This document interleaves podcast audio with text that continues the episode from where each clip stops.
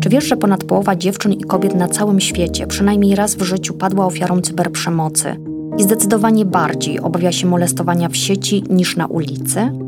Pandemia COVID-19 i kolejne lockdowny, w trakcie których nasza aktywność zawodowa, społeczna i naukowa niemal całkowicie przeniosła się do sieci, tylko pogłębiły ten i tak już bardzo poważny społeczny problem. O internetowych atakach, które stały się codziennością kobiet. Już za chwilę porozmawiam z doktorką Zuzanną Warso, współautorką raportu Helsińskiej Fundacji Praw Człowieka o cyberprzemocy wobec kobiet. Uderzające jest e, to, co mówią kobiety doświadczające cyberprzemocy na temat właśnie codzienności tego zjawiska, na temat tego, że, że to się staje integralną częścią ich działalności w internecie i po pewnym czasie powszednieje, co nie oznacza jednak, że nie wywołuje negatywnych skutków. I wydaje mi się, że to przeświadczenie, że doświadczenie cyberprzemocy jest ceną, jaką, no, jaką trzeba zapłacić, jeśli chce się prowadzić aktywną działalność w internecie, to przeświadczenie jest bardzo niebezpieczne, ponieważ ono blokuje skuteczne przeciwdziałanie temu zjawisku. W tym odcinku mojego podcastu wspólnie z moją gościnią zastanowimy się także, jak prawo i polityka mogą i powinny przeciwdziałać narastającej fali cyberprzemocy wobec kobiet, tak żeby kobiety czuły się w sieci bezpiecznie i nie wycofywały się z życia publicznego z powodu komentarzy hejterów, nie ograniczały działalności zawodowej w sieci i nie rezygnowały ze swoich działań ze względu na traumatyczne doświadczenie ataków. Sylwia Spurek. Zapraszam wszystkich do słuchania. Moich hejterów także.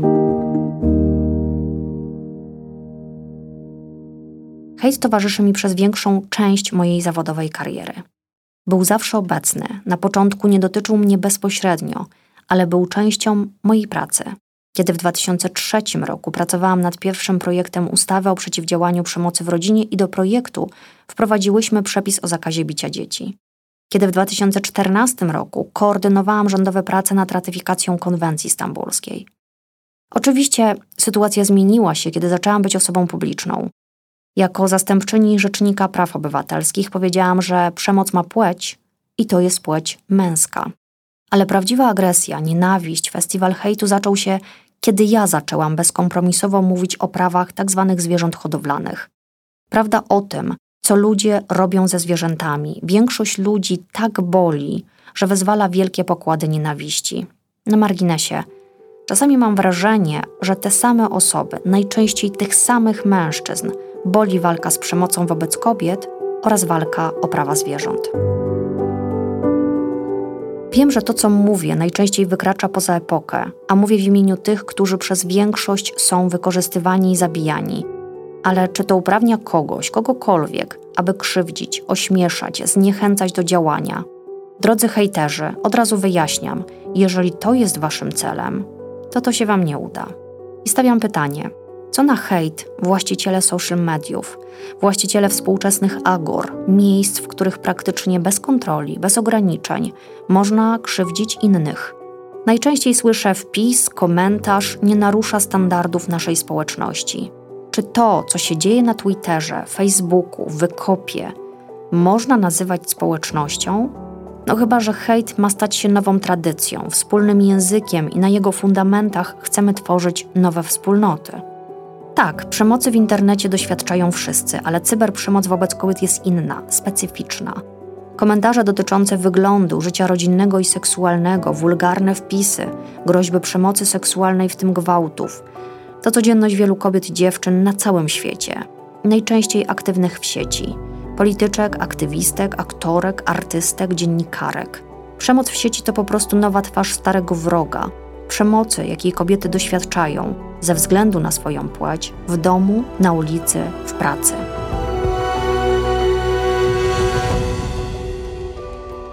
Badania potwierdzają, że najbardziej dostaje się w sieci tym kobietom, które nie wpisują się w tradycyjne role, bronią praw kobiet, mniejszości, grup marginalizowanych.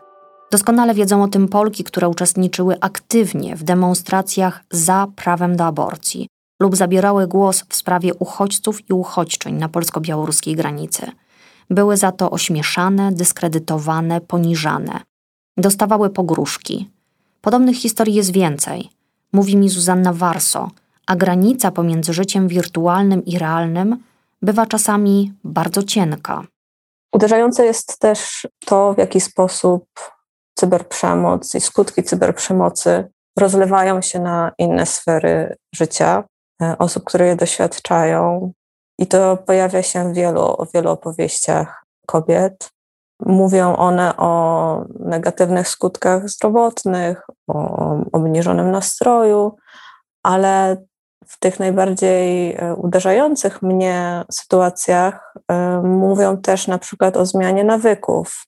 Pamiętam historię kobiety, która mówi o tym, że właśnie pod wpływem pogróżek, które dostawała w internecie, zupełnie anonimowych, zmieniła trasę, jaką wybierała, trasę powrotu do domu i, i zrezygnowała z przechodzenia przez park, co wcześniej sprawiało jej ogromną przyjemność. Natomiast pod wpływem tych wiadomości w internecie stwierdziła, że już tego więcej nie będzie robić. I to moim zdaniem pokazuje, jak zatarta, czy wręcz nieistniejąca jest granica pomiędzy internetem a tak zwanym prawdziwym życiem, lub wręcz, że tej granicy nie ma. Doświadczenia w internecie mogą mieć bardzo wyraźne i, i bardzo silne konsekwencje także w innych sferach naszego życia. Czasami, kiedy w mediach pojawiały się moje wypowiedzi dotyczące dyskryminacji kobiet, e, w tym cyberprzemocy, czy feminizmu, czy też dostępu do aborcji, otrzymywałam niepochlebne wiadomości, które niewiele wspólnego miały z, z treścią moich wypowiedzi. Natomiast moją sytuację trudno jednak porównać do sytuacji polityczek, dziennikarek, które codziennie zalewa fala hejtu. Tutaj kwestia skali ma, ma ogromne znaczenie. Dzisiaj już nie ma wątpliwości, że każda nowa technologia może stać się pojemną przestrzenią dla nowych form cyberprzemocy ze względu na płeć. W 2017 roku Helsińska Fundacja Praw Człowieka wydała na ten temat obszerny raport, oparty na wywiadach z osobami, które doświadczyły w sieci przemocy. Kobiety zapytane o wpływ wirtualnych ataków na ich codzienne życie zazwyczaj odpowiadały, że znacznie ograniczyły swoją obecność w internecie, mówiły o towarzyszącym im poczuciu ogromnego smutku i przytłoczenia, paraliżującym strachu przed publikowaniem jakichkolwiek treści w mediach społecznościowych, o utracie poczucia bezpieczeństwa, które często rujnowało także ich życie prywatne i zawodowe.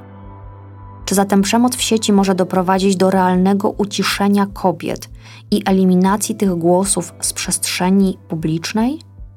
W jakim punkcie tej dyskusji jesteśmy dziś, w 2022 roku, pięć lat po publikacji raportu?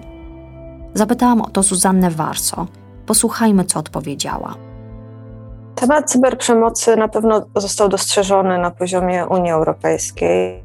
Parlament wezwał Komisję do włączenia kwestii cyberprzemocy mm, do przyszłej dyrektywy w sprawie zwalczania wszelkich form przemocy ze względu na płeć. I to jest to pozytywna zmiana. Natomiast na poziomie krajowym nie doszło do zmian systemowych. E, wciąż na przykład nie wprowadzono przesłanki płci w przepisach dotyczących tzw. Tak mowy nienawiści. Nie przeprowadzono e, i nie prowadzi się koniecznych szkoleń czy nie podejmuje się innych działań, które podnosiłyby świadomość wagi problemu wśród organów ścigania. Jeśli takie szkolenia czy działania są prowadzone, to one są prowadzone przez organizacje pozarządowe. Natomiast nie ma tych zmian na poziomie systemowym. W Polsce przeciwdziałanie przemocy wobec kobiet nie jest priorytetem, wręcz przeciwnie. E, na przestrzeni ostatnich lat podejmowane działania, które mogą wręcz zaprzepaścić wcześniejsze osiągnięcia lub je zaprzepaściły. Mam tu na myśli zapowiedzi wypowiedzenia konwencji antyprzemocowej czy skierowanie wniosku do Trybunału Konstytucyjnego Julii Przyłębskiej w tej sprawie. Także na poziomie krajowym nie dostrzegam tych pozytywnych zmian. Wydaje mi się, że, że u podstaw tego zaprzepaszczania leży zaprzeczenie temu, że przyczyną cyberprzemocy wobec kobiet jest systemowa dyskryminacja kobiet, jest, jest patriarchat, jest seksizm takie zjawiska, które przejawiają się także w innych sferach życia, i ten internet jest, jest jednym obszarem, w którym, w którym się manifestują. Kobiety doświadczające cyberprzemocy często pod wpływem hejtu podejmują decyzję o skasowaniu kont w mediach społecznościowych i wycofaniu z debaty, co z kolei ma znaczący wpływ na ich życie zawodowe i zdrowie psychiczne. I ma to znaczący wpływ na jakość naszej demokracji, bo pozwalamy na uciszanie uczestniczek debaty publicznej. To kwestia słusznościowa, ale także ekonomiczna, bo przemoc kosztuje. Biuro Analiz Parlamentu Europejskiego oszacowało, że w całej Unii Europejskiej rocznie wydaje się od 50 do 90 miliardów euro na pomoc medyczną, psychologiczną i prawną, związaną na przykład z nieobecnością nękanych kobiet w pracy, obniżeniem ich produktywności, leczeniem depresji, stanów lękowych czy zespołu stresu pourazowego. Cały czas to osoby doświadczające przemocy, i tak jest nie tylko w przypadku cyberprzemocy, cały czas to one niosą ciężar podjęcia działań, które mogą doprowadzić do wymierzenia tej sprawiedliwości czy do skutecznego ścigania. A co z odpowiedzialnością gigantów technologicznych, takich jak Facebook czy Twitter? Na pewno rośnie świadomość roli i odpowiedzialności firm technologicznych, także po stronie tych firm, ale to bardzo powolny proces. Do tej pory firmy technologiczne, platformy internetowe były postrzegane jako neutralni pośrednicy. Jednak doświadczenie tych kilku ostatnich lat uświadomiły wszystkim, jak decyzje podejmowane przez firmy technologiczne, jaki mają wpływ na, na demokrację i prawa człowieka. Jednocześnie do wspólnego worka, tak zwanego hejtu, wrzucane są bardzo różne zjawiska, w czym dostrzegam pewne niebezpieczeństwo odwrócenia uwagi od sedna problemu. E, w przeciwdziałaniu cyberprzemocy w sieci na pewno nie chodzi o to, żeby zakazać wszelkiej krytyki w internecie, dla mnie jako prawniczki priorytetem jest wyeliminowanie i ściganie gruźb przemocy, zastraszania i różnych form molestowania seksualnego. I niestety w tym zakresie nie doszło do, do tych koniecznych systemowych zmian.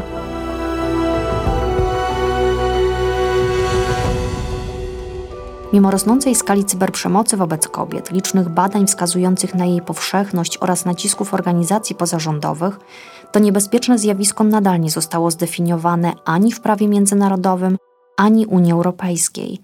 Nie przyjęto żadnych przepisów określających tę szczególną formę przemocy. Unia Europejska musi działać.